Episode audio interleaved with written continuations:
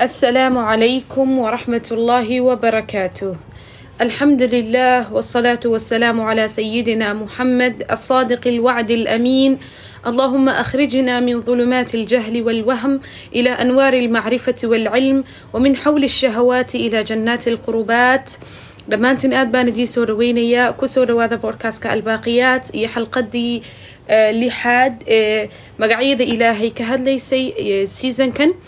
maanta waxaynu ka hadli doonaa oo idin soo qaadan doonaa magaca ilaahay ee alghafaar. Saddexdii xalqadood ee magacyada labadii xalqadood ee hordhaca maahane saddexdii magacaynu ka hadalnay waxay ahaayeen alrab iyo almalik iyo alrafiiq maanta waxaynu ka hadli doonaa magaca ilaahay ee alghafaar saan hore idinku soo sheegayna waxaynu isku ladhi doonaa magacyada ilaahay iyo sifooyinka ilaahay fa idan marna magac baynu soo qaadanaynaa marna sifa ilaahay subxaanahu watacaala uu ku sifaysan yahay oo uu leeyahay baynu soo qaadanaynaa magacan alghafaar haddaan luuqad ahaan marka hore kala dhigdhigno wuxuu ka yimiday kelmadda ghafara yakfiru غفرا يعني غفر ودنبي دافكي يغفر هدنا ودنبي دافكي غفرا دنبي دافكي أون هدنا والمغفرة أسل كمغفرة وحلقة وضعبا ليدي التغطية وقرن والستر إي أستراد كلمة مركا لما عنينيو المغفرة وحلقة وضع التغطية وأستراد وقرن الستر نوحويا أستراد أي الله يدام معناها مكا كلمة لما عنينيو الغفار اصطلاحا marka kelmada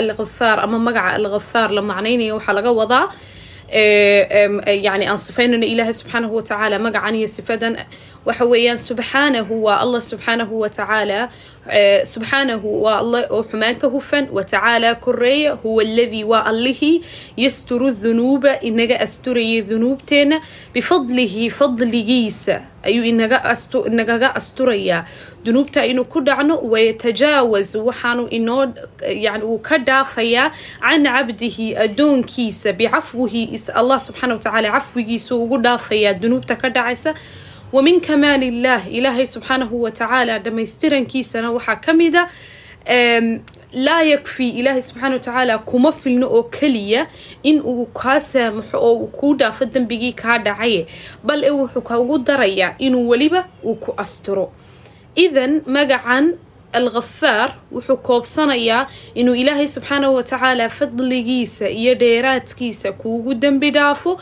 wixii kaa dhacay oo uu kaa cafiyo. Sidoo kalena dheeraadkiisa uu kugu siiyo dhammaystirankiisa inuu intuu ku saamuxo haddana uu asturo dembigii kaa dhacay. Haddaba kelmadda ghafaar iyo waxa qur-aanka kusoo arooray haafir iyo ghafuur iyo ghafaar saddexduba qur-aanka way ku jiraan ghaafir الdhanbi waqaabil الtawbi shadiid الciqaabi di طawli laa ilaaha ilaa hu qur-aankay ku jirta suurat ghaafir ghafuur الraxiimna meelo badan bay qur-aanka kusoo aroortay ghafaar wainii lagafaaru liman taaba waaamana wacamila صaalixا uma htadaa iyadana qur'aanka ayay ku jirtaa fa saddex siyaaboodoo kala duwan ayay qur'aanka ugu soo aroortay waxaa la yidhi markii la fasirayay haafir waxaa laga wadaa waxaa laga yaabaabaa layidhi inuu jiro insaan daalimun linafsih mid isagu naftiisa dulmiyey baa jira iyo waxaa jira mid isaga la dulmiyey waxaa la yidhi qofka naftiisa isagu dulmiyey fadaalimu mid baa jira ilaahay subxaana watacaala dulmi ka galay oo ku xadgudba ilaahay subxaana watacaala xuduudihiisii ilaahay kaa haafir buu yahay waa u dembi dhaafayaa mid waxaa jira isagu naftiisa dembi ka gale oo waa ghafuur. Mid isagu dadka dulmiyey baa jira ilaahayna subxaana watacaala kaa ghafaar ayuu u yahay. Ma isla fahanay okay ilaahay subxaana watacaala qur'aanka wuxuu ku lahaa waraxmatii wasicad kulla shay raxmadayda iyo naxariistayda ayaa wax kasta kooba koobsatay inaguna haddaynu bini aadam nahay waxaynu ka mid nahayun waxyaabaha ilaahay subxaana watacaala leeyahay. Yacni shay baynu nahay. Kamida waxyaabuu ilaahay subxana watacaala leeyahay. Dembiga aada gashayna waa shay wax ka midoo basiid ah oo kamida waxyaabaha ilaahay subxana watacaala uu leeyahay. Idan nuqdada muhiimkii waa maxay? Dembi kastoo aynu ku dhacnaa wuxuu leeyahay xad iyo muntaha meel uu ku dhammaado oo ma noqonayo wax daba furan. Laakiin ilaahay subxaana watacaala makfiradiisa iyo dembi dhaafkiisu muntaha ma laha meel ay ku dhammaato ma laha. Laa yuxadad yacni ma joogsato meel kuma xadidanto yaa si kastuu dembigaynu ku dhacaynaa u weyn yahay si kastoo aynu xadka ilaahay ugu xadgudubno haddana ilaahay naxariistiisa ayaa ka weyn. Waxaa laga yaabaa insaan qaatay maal xaaraana oo maalan ka soo qaat boqol milyan ah. De boqolkaa milyan waa tiro xadidan oo la garanayo yaa iminka ninkii hitler la oran jiray waxaa layidhi wuxuu dilay konton kun oo milyan oo qof buu laayay baa layidhi xataa isagoo kontonkaa kun ee qof laayay ayaa haddana dembigaasi uu xadle uu leeyahay tiro mucayan oo la garanayo. Laakiin ilaahay makfiradiisa dembi dhaafkiisa naxariistiisa xuduud iyo xad ma laha waxaa tusaale inoogu ah inuu ilaahay subxaanahu watacaala dunuub oo dhan dhaafo oo uu u dembi dhaafo kii u soo noqonayaba xadiidkii nebiga caleyhi salaatu wasalaam uu sheegaya ninkii sagaal iyo sagaashanka naf intuu soo gooyay ninka raahibkaa u yimid ee ku yidhi inaan ilaahay u soo noqdaan rabaaye ihagoo ii sheeg waxaan sameeyo. Oo ku yidhi ma adigoo sagaal iyo sagaashan nafood layay baad doonaysaa inaad ilaahay kuu dembi dhaafo yacni fawaakii ninkii boqol kaga dhigay. Kadibna nin kaloo caalim ah buu u tegay ninkiibaa ku yidhi ilaahay waa kafuururaxiime bartanaad joogta ka tag oo meel kala tag. Tamaam si uu dembigii meeshii uu ficilkii ku sameynayay aw uga kaxeeyo. Fa cilmigu waxyaabahaasuu taraa ninkan raahib marka lagu leeyahay raahib waa qof ilaahay ku caabudaya biduun cilm. Yacni cilmi ma laha laakiin ilahay buu caabudaya. Caalimkuna waa qofka ilaahay subxaana watacaala bicilmi ku caabudaya bimacrifa inuu ilaahay garanayo. Fa idan kan waxaa ku keenay sababta uu yiri ilaahay kuma dembi dhaafay waxa weyaan cilmigii baanu ilaahay u lahayn. Kanina ilaahay ba subxana watacaala garanay ninkii waa kii meeshii ka tegay kadibna isagoo dhexda sii maraya waatay naftu ka baxday oo dhintay isagoon gaadhin meeshii u socday meeshii uu ka yimidayna yacni soo dhaafay. Malaa'igtii jannada iyo malaa'igtii naarta isku qabsatay maya halkan u dhowaa oo waxaa la yidhi hadduu u dhow yahay meeshii uu ku socdayna oo uu yacni soo gaadhayna wuxuu gelayaa ninkaasi jannada waayo wuxuu ahaa towbadoon. Haddii uu u dhowaa meeshii uu ka yimidayna naartuu gelayaa waxaa la idhaha ilaahay subxaana watacaala fadligiisa iyo naxariistiisa ayuu ilaahay soo dhoweeyey dhulkuu u socday si uu ninkaasi jannada u galo eeg boqol qof buu soo dilay. Sagaaliyo sagaashan hore uu dilay iyo ninkii raahibka ahaa. Haddana ilaahay subxaana watacaala naxariistiisa ayuu jannada ku geliyay. Idan halkaa waxay nooga soo dhexbaxaysaa dembi kastoynu galno intuu doono ha noqdo ilaahay subxaana watacaala waa raxiim waa waduud. Wuxuu kaa rabaa un inaad u soo noqoto oo dankiisa u soo carabto dabcan inagoo shuruudii towbadana ilaalinayna. Xagga dambeaynu kaga hadli doonaa ilaahay subxaana watacaala wuxuu inoo dhaafaya wixii maadiga ahaayee tegay wuxuuna inoo dhaafaya waxa hadda taagan wuxuuna inoo dhaafaya waxa mustaqbalka soo socda. Isagaa khafaar ah wuxuuna inoo amray inaynu ilaahay subxaana watacaala wuxuu inoo amray inaynu dembi dhaaf isaga weydiisano ilaa ilaahay wuxuu doonayaa inuu inoo dembi dhaafo. Kumanuu amreen ilaahay subxaana watacaala inaad barido ilaa ilaahay wuxuu og yahay oo uu yacni rabaa inuu ku siiyo waxa aad ka baryayso tamaam fay ha ka rajo dhigin ilaahay subxaana watacaala kuma laha ilaahay wuxuu kuu leeyahay ibari dembi dhaaf i weydiiso anaa kaafiru dembi ah kaafiru demb qaabil tawba kaafiru dembi maxayd kaafiru dembi waqaabilu tawbi shadiid lciqaabi di طawli laa ilaha ila hu wainii lagafaaru liman taaba waamana wacamila صaalixا ثuma اhtada tamaam shuruudaa lagu xiray wainii lagafaarun لمن تاب التوبة لغا ربا ثم الإيمان ثم العمل الصالح إذا إله سبحانه وتعالى وو ربا إنو إنو دنب دافو hadduu ku yidhaa ilaahay barina. Ilaahay subxana watacala wuxuu doonayaa inuu inoo ajiibo. Idan wixii hore kaaga dhacay waxa maanta kaa dhacaya iyo waxa mustaqbalka kuu soo socda kaa dhici doonaba bini aadan baatoo dunuubteenu way badan tahaye yaqiinsanow oo aaminsanow inuu ilaahay subxana watacaala uu kuu dhaafayo. Marnaba lama rabo magacani waxyaabuhiina baraya. Waxaa ka mid a inaynaan ka rajo dhigin ilaahay naxariistiisa iyo inaynu ilaahay u noqono anaa khafaar ah buu ilahay ku yacni khafaar waxaa la wada kathiir lmaqfira allaha dembi dhaaf badanaha ah tamaam shad baa meeshaa ku jira idan litawkiid weeyaan waxaana layidhi waxaa halkan mulaaxada waxaan ku dul qoray markaan casharka diyaarinaya mulaaxada khatiira yacni waa waa yani waxay tahay inaynu dhug weyn u yeelano aynu u fiirsano waxaa layidhi maadaama alinsaanu inta uu qofka mu'minka ama insaankii uu muqiiman calaa dembihi uu dembigii uu ku dhacay uu weli ku sii taagan yahay falaa makfirata lah. Dembi dhaaf ma laha qofkaati. Ilaahayna subxaanahu watacaala muxuu lahaa waaladiina camiluu asayi'aati huma taabuu min bacdiha waaamanuu ina rabbaka min bacdiha lagafuura raxiim yani waaladiina camiluu asayi'aati huma taabuu min bacdiha min bacdiha baa la socota. Yani kuwii xumaantu ka dhacday ee camalka xun sameeyey huma taabuu min bacdiha bacdigaas waxay sheegaysaa inuu qofku dembigii uu ka tegay tamaam idan haddaanad dembigii ka tegin towba ma jirto ood muqiim weli ku tahay laa yakfiru ilaa idaa tubta min adamb ilaahay kuuma dembi dhaafayo ilaa intaad dembigii ka tegayso haftu waa inaad dembiga faraha ka qaatood ka tagto sida aad towbad u heshid laakiin haddii insaanku weli ku sii dhaga adag yahay wixii oo uu weli ku sii dhegan yahay ama markuu toobad keenaya qalbigiisa ay ku jirto inay stiil uu maxay heday in uun dembigii ku noqdo tamaam taasi markaa dee tawba ma jirto. Ma isla garanay markaa waa inay kaa soo go-do towbadu. Maxaa la yidhaha arkaani tawbati waa maxay? Waa aliqlaac waa inuu qofku dembigii faraha ka qaado ka tago.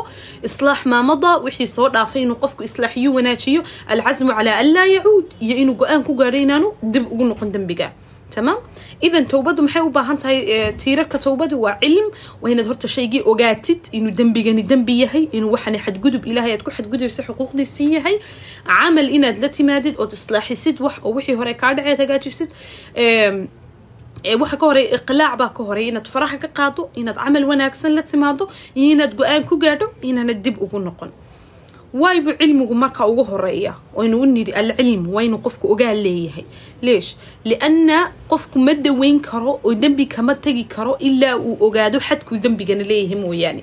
Haddaanad ogeyn inay zinadu dembi tahay tamaam dee maxay heday oo xadka ay leedahay aanad garanaynin?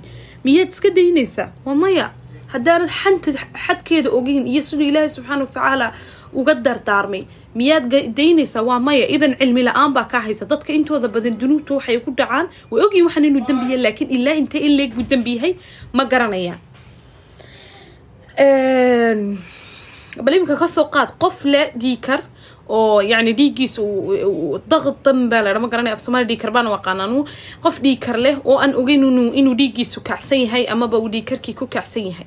Ma dawuu doonanaya? Waa maya idan qofku waa inuu cilmi u yeeshaa markuu khalad ku dhacayo. Ama markay khalad ka dhacayo waa inuu dembi cilmi intee in leeg buu waxani dembi yahay oo uu xadkanaan ilaahay subxana wa tacaala ku xadgudbaya maxaa ka iman karaa ciqaabtiisu waa maxay? Muxuu noloshayda adduunya ka saameyn karaa yaa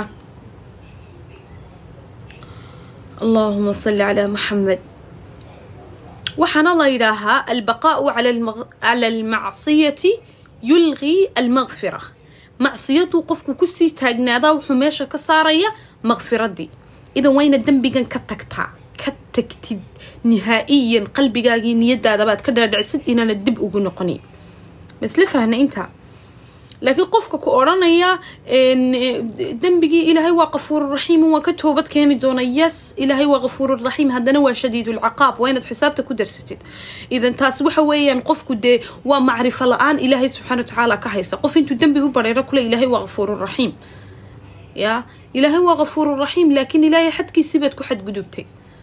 Tamaam? Famarka garo oo iyadana xisaabta kugu jirto inuu shadiidulciqaabna ilaahay subxana watacaala uu yahay idan alghafaaru maxaynu nidhi subxaanahu waa allaha xumaanta ka hufan watacaala koreeya yakfiru waa inoo dembi dhaafaya wayasturu waanu inaga asturayaa dembigii aynu ku dhacnay nicamka ilaahaye waaweyna waxaa ka mid a inuu ilaahay subxaanahu watacaala uu ku ilowsiinayo dembigii aad ku dhacday haddaad ka toobad keento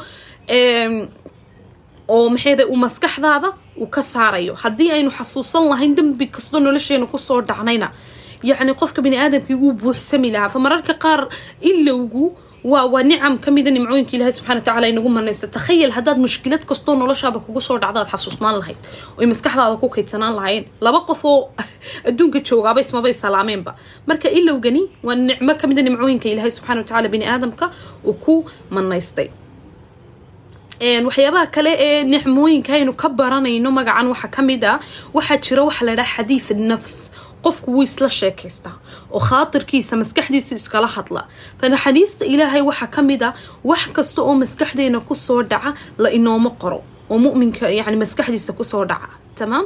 Oo haddii ilaahay naga xisaabin lahaa xataa waxa maskaxdeena ku soo dhacayana oo dunuub laynoogu qori lahaa malaha laynamaba arkeen dee buweegteena way buuxsami lahayn. Intee oo jeer buu qalad kugu soo dhaca oo wax kugu soo dhacaa ood istiraada qofkan san ma ku samaynin waxan ood shaydaanka iska narto waxyaabaha maskaxdeena ku soo dhacaya la inooguma daro ilaa inaynu inagu ku hadalno maahane. Ama afkeena ka soo baxan ama aynu ficil ahaan u samayno maahane.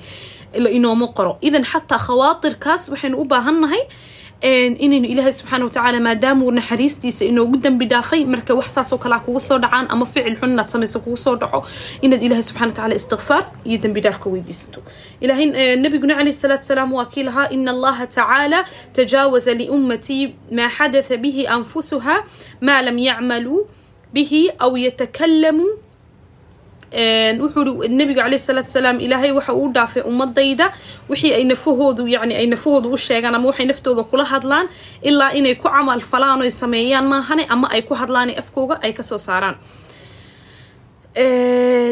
Goorma ayay xumaantu ama amaashii xumaydanu samaynay ay xasanaad isku bedelaan waxaa la yidhaahaa cindamaa yatacarafu linsaanu rabbah markuu insaanku rabbigii garto ayay xumaankii wanaag isku bedelaysaa oo markaad allah inuu kariim yahay garanaysid oo karamkaagu bato idan ilaahayba subxana wa tacaala garatay fa ilaahay dunuubtaadii ayuu ku bedelaya xasanaad haddii maalan qof xaq lagu haysto ama yani qof la dulmaya aad aragtood kelimada xaqaa ku dhawaaqdood qofkaa qofkaa ka celisa ama munkar aad nahyido oo wax xumaanoo meel ka socotaa tira war waxaa ka daaya sidaa maahe waxyaabahana ilaahay subxana wa tacaala dunuubtaada ayuu ku dhaafaya. Idan allah subxaana wa tacaala waa kathiir ilmaqfira oo waa inoo dembi dhaafaya oo waa cafuw oo waa sitiir ilaahay waa inoo dembi dhaafaya oo waa ina asturaya oo yani xataa dembigii aynu galnay. Ayaa markaynu ka toobadkeenno layna ilowsiinaya ya marka saddex shayun baynu u baahannahay towbad baynu u baahannahay iimaan baynu u baahannahay inaynu yaqiinsanno inaynu ilaahay subxaana watacaala uu dembigaa inaga dhaafayo iyo alcamal asaalix iyo inaynu badsanno camalada wanaagsan aynu adduunka guudkiisa aynu ku qabanayno. Waxaa la yidhaahaa istikfaarta qofka oo badata iyo alla u noqoshadiisa oo badata waxay wado u noqotaayo qofka u furtaa inuu ka badbaado ilaahay subxaana watacaala cadaabtiisa inaad sidoo kale aaminto in ilaahay subxaana watacaala hafaar yahay yani kathiir ilmaqfira alla dembi dhaaf badana inuu yahay. Waxay keensanaysaa inay istikbaartaadu badato inay towbadaadu badato yani maanta soo magacaasi kumuu soo gaadhin. Waxaad baranaysaa inuu ilaahay yahay allaha dembi dhaafka badan leh.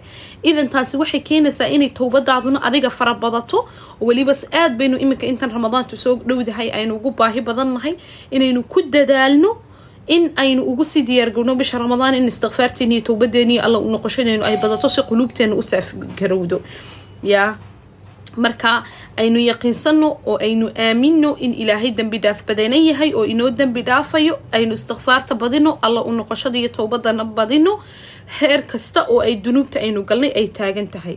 Nabiga calayhi salaatu wasalaam waxaa jira xadiis uu ilaahay subxaana watacaala ka soo warinayay. Wuxuu lahaa allah subxaana watacaala adnaba cabdii adoonkaygii aniga ayaa dambaabay buu ilaahay yidhi. Faqaala wuxuu yidhi allaahuma kfir lii allahayow ii dembi dhaaf allaahuma kfir lii dembi allahayow ii dembi dhaaf dembigiiga dhacay. Faqaala tabaaraka watacaala ilaahay subxaanahu watacaala waxa uu yidhi adnaba cabdii addoonkaygiibaa dembaabay facarafa waxa uu gartay ana lahu rabban inuu leeyahay rabbi. Yakfiru demb alle dembiga dhaafaya inuu leeyahay. Ayuu addoonkaygi gartay buu ilaahay yidhi. Waya'khudu bidemb oo dembigana ku qaadayo oo macnaha yacni ku ciqaabaya haddii aanu ka toobadkeenin faqaala wuxuu yidhi mar labaad haddana addoonkii ay yaa rab rabbigayow ikfir lii waa markii labaad ma arkaysaa?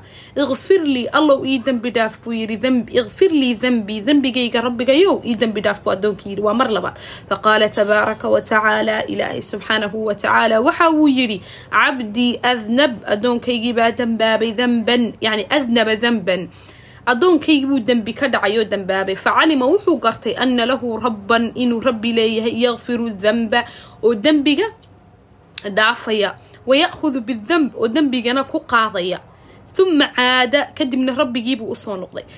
Mar labaadbaa ayuu addoonkii meeya dembigii ku noqday. Faadnab uma caada faadnab yani addoonkiibaa dembigii mar labaad mar saddexaad ku noqday. Markasoo markii saddexaad iga raali ahaada waa la ii eedaamay. Marka iska dulqaat waxaan malanaya codku faseex yahay baan rajaynaya faqaala rab wuxuu yidhi allah subxaanahu watacaala xaq allahu akbar.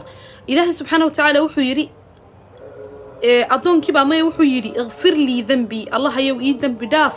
Faqaala tabaaraka watacaala ilaahay subxaanahu watacaala waxayuu yidhi adnaba cabdii denban addoonkaygiibaa dembi ka dhacay facalima wuxuu gartay ana lahu rabban inuu rabbi leeyahay yakfiru demba dembiga yani ku dhaafaya waya'khudu bidemb sidoo kalena dembiga ku yani alla dembiga u dhaafaya iyo alla dembiga ku qaadaya. Icmal maa shit buu ilaahay subxaana watacaala ku odhanaya. Samee waxa aad doonto faqad kafartu lak waan kuu dembi dhaafaya.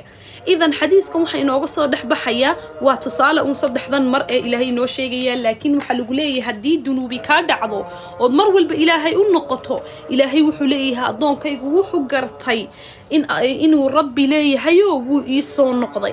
Kadibna ilaahay wuu kuu dembi dhaafayaa fa idan haddaad ilaahay milyoon mara ku noqotid ma rabbi kaloynu u noqonaynu haysanaan allah subxaana watacaala ahayn? Laa maa lanaa ila allah ilaahayn baynu haysanaa dariiqad kale oo aynu marno oo aynu towbadda u marnaana ma jirto ilaa inaynu ilaahayna abuurto aynu u noqono maahane. Fa idan mar walba mar walba waxaan ku qasbannahay inaynu allah subxana watacaala u qaban u noqono waxaa jira waxyaabaha qaar bini aadamka ku adag inay ka tagaan oo ay toobadooda ku adkaato amaba ay waqti ku qaadato inuu ka toobad keeno. Fa eedaankii uu dhammaaday alxamdulilah xalqadaha ma idhid gareeyo markaa iska dulqaataa wixii haddii codbaxo ama wax dhacaan waxaan inta badan ku dadaalaa in waqtiyada aan waxba jirin idiin duuba casharka laakiin insha allah biidn illah waa waqtigii salaada iga soo galay.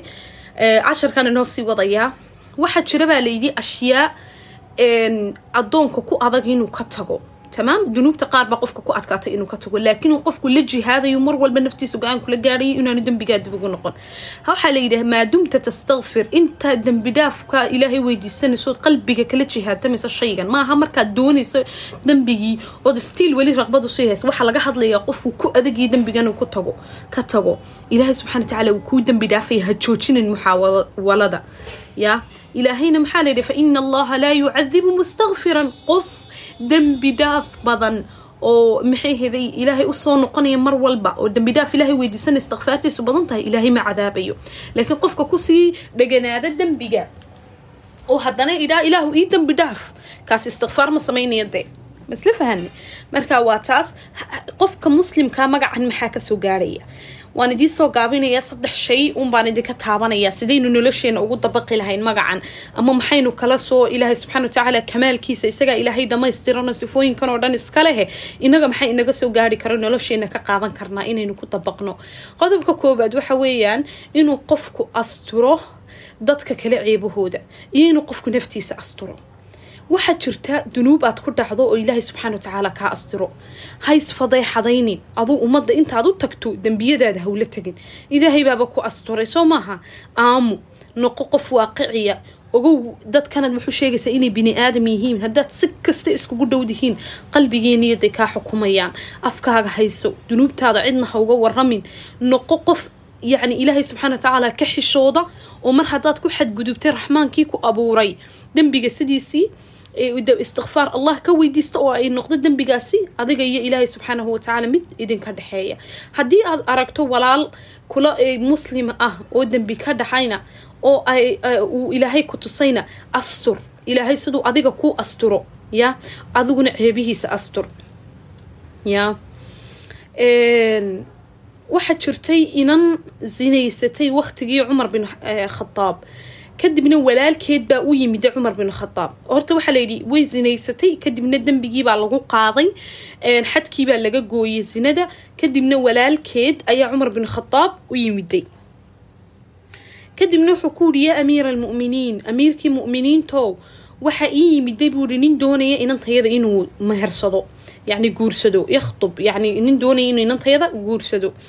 Miyaan u sheegaa inay inantayadu dembi hore ku soo dhacday sinaysatay faqaala cumar wuxuu ku yidhi ilaahay subxaana watacaala raalliha ka noqday intuu aada iyo aada iyo aada u cadhooday haddii aad u sheegta buu ku yidhi ninkaa inanta dembiga ka dhacay la adabtuk waan ku edbinaya yani waan ku garaacayaabuu ka wadaa wuxuu yidhi ilaahay baaba subxaana watacaala asturay oo u keenay nin guursanaya xadkii ilaahay ay ka gashayna waabay ka toobad keento waa tan laga jaree maxaad adigu khashafaysaa famaa baalak haddaba adigoo qof mu'mina oo dembi ka dhacay intaad aragtaad magaalado dhan gaarsiisay wax ceeb weeyaan fasaad u jeceshay inuu ilaahay kaa asturo dunuubtaada adigana dunuubta dadka kale uu astur maxaana layidhi attaa'ibu min adambi kaman laa damba lah qofka midka dembi ka toobad keena wuxuu la mid yahay sidii midaan dembiba ku dhicin idan markaa dadka nabadgeliyo ka aamo dadku ma naxariistaan yani akhtaa'da iyo kale yani khaladaadka kaa dhacayana kuma naxariisanayaan idan haddii wax kaa dhacaan iska aamo afkaaga hayso ilaahay subxaana watacaala u noqo sidoo kale waxyaabaha muhiimkaa waxaa ka mid a in nolosheena kaga dabiqi karno mar kasta oo aynu aragno inay waxay naga dhacayaan ama dunuubi naga dhacaya ama waxay naga dhacayaan inaynu towbada inaynu ku dadaalno sadaqada inaynu waxbixintana ku dadaalno towbadana aynu ku dadaalno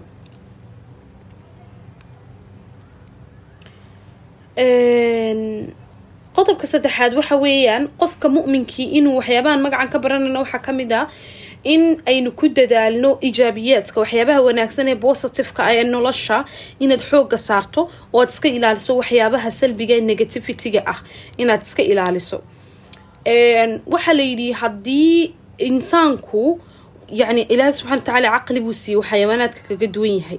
Sayi-aadkii xumaanadaad adduunyada ku arkayso indhahaaga waad isku dhaafin kartaa waxyaabaha quruxda badan le qofku leeyahayna waad arki kartaa. Hadee maalan qof la nooshahay ama ha noqdo zawjkaaga ama zawjadaada ama walaalaha cidaad la nooshahay ciday doonto ha noqdo ama cidaad la dhaqmayso xataa dadkaad kuliigatiina shaqada wada joogtaan yani qofku in xun iyo wanaagsan buu u yeelanaya soo maaha fa idan mar walba waxaad isku daydaa inaad qofka intiisa wanaagsan dibadda soo dhigi kartid oo aanaad ku dadaalin inaad qofka xumaanihiisa faqfaqdadood raad raadisid. Yaa ma haddaad wax xun aragtidna inaad iska indhasaabtood isdhaafiso ya nabiguna calayhi salaatu wasalaam waa kii ku ducaysanayay wa acuudu bika min jaari suu ilaahayow waxaan kaa magan garayaa jaar xun oo indhihiisu ay qabtaan dhegihiisuna ay maqlaan xumaantayda haddii uu in wax wanaagsan iga arkana qariya haddii uu wax xun arkana faafiyo oo ummadda wada gaarsiiya ya fa ilaahay baynu subxaana watacaala ka magan galaynaa jaar xun oo xumaanteena faafiya oo wanaageennana qariya inaguna aynu ku dadaalnaynin waxbayaabaha wanaagsan dadku leeyihiin aynu sheegno xataa haddii qof wax lagaa weydiiyo inaad haddaad og inuu qofkaasi yani waxyaaba xunxun leeyahy inaad isku daydo inaad asturto ood qarin karto wallaahi qofka khayr mooyaane. Wax kuma ogi yani inaad qofka asturto xumaanihiisa ood qariso ilaa wax dee serious oo nolol qof bini aadamay ku xidhan tahay waxaa maahane laakiin inaad qofka xumaanihiisa aanad xataa ku xeel tegin xataa haddii qofka wax yani laga rabo muhiima inaad aanad ku sii xeel dhaaraanin iska daa inagu cid layna weydiiyo dadaan laynoo dirsan baan habeen iyo maalin u tiranaynayo noloshooda iyo aayahoodii iyo mustaqbalkoodiiba. Waxaan waxay leeyihiin waxayna lahaynba dusha laga saaraya. Fa ilahay waxaan weydiisanaynaa dembi dhaaf ilahay waxaan weydiisanaynaa naxariis ilahay waxaan weydiisanaynaa dhawaansho ilahay waxaan weydiisanaynaa ilaahay subxaanahu watacaala kuwa yowma alqiyaamaha bugaagtoodii markay kitaabkooda loo dhiibo fa amaa man uutiya kitaabahu biyamiini fasawfa yuxaasabu xisaaban yasiira wayanqalibu ilaa ahlihi masruura. Ilaahaynu kuwa inaga yeedhay iyagoo faraxsan kutubtoodii qaata oo dunuubtii ay galeen iyagoo xasuusan. Haddana kitaabkooda ka waayo laydhaa addoonkaygiiyo waan kuu dhaafay oo kitaabkaagiiyo cad aad aragto. Ilaahay kuwa haynaga yeelo. Ilaahay subxaana watacaala jannooyinkiisa haynagu kulmiyo. Naxariistiisa ilahay jannooyinkiisa haynagu geliyo. Waa salaad cishaayi oo eedaan iyo iyo iqaamitaan dhexdood ah oo waa waqtiyada ducada la aqbalo. Ilaahay subxaana watacaala qof kastoo xanuunsanay xanuunka haka dulqaado. Mid kastoo baahila ilaahay baahida ha ka furfuro. Mid kastoo awlaad doonaya ilaahay awlaad ha ku arsaaqo ilaahay subxaana watacaala waxaan weydiisanaa qof kasta oo kurba ku taagantay inuu kurbada ka gooyo mid kastoo waalidkii dhintay in ilaahay subxaana watacaala u naxariisto kuwii ay u nool yihiinna inuu ilaahay ku caawiyeyna baariyaal u noqdaan kuwaad dhasheenna ilaahay baariyaal ha idinka dhigo qaar idiin naxariista qaad aad ku indha nuursataan qaar adduunyadana ziine idinku noqda aakhirana ilaahay subxaana watacaala tarbiyadiina wanaagsan idinku abaalmariyo allah idinka yeelo. Ilaahayna inaga jannooyinkiisa ha inagu wada kulmiyo. Jazaakum allahu khayran. Aada iyo aad baan kugu mahad celinaya halkan soo gaadhay waad mahadsantihiin. Wanaag badan baan idiin rajaynayaa iyo magac cusub insha allah khayr badan baynu isku ognahay. Aad baan idiin salaamaya jazaakum allahu khayran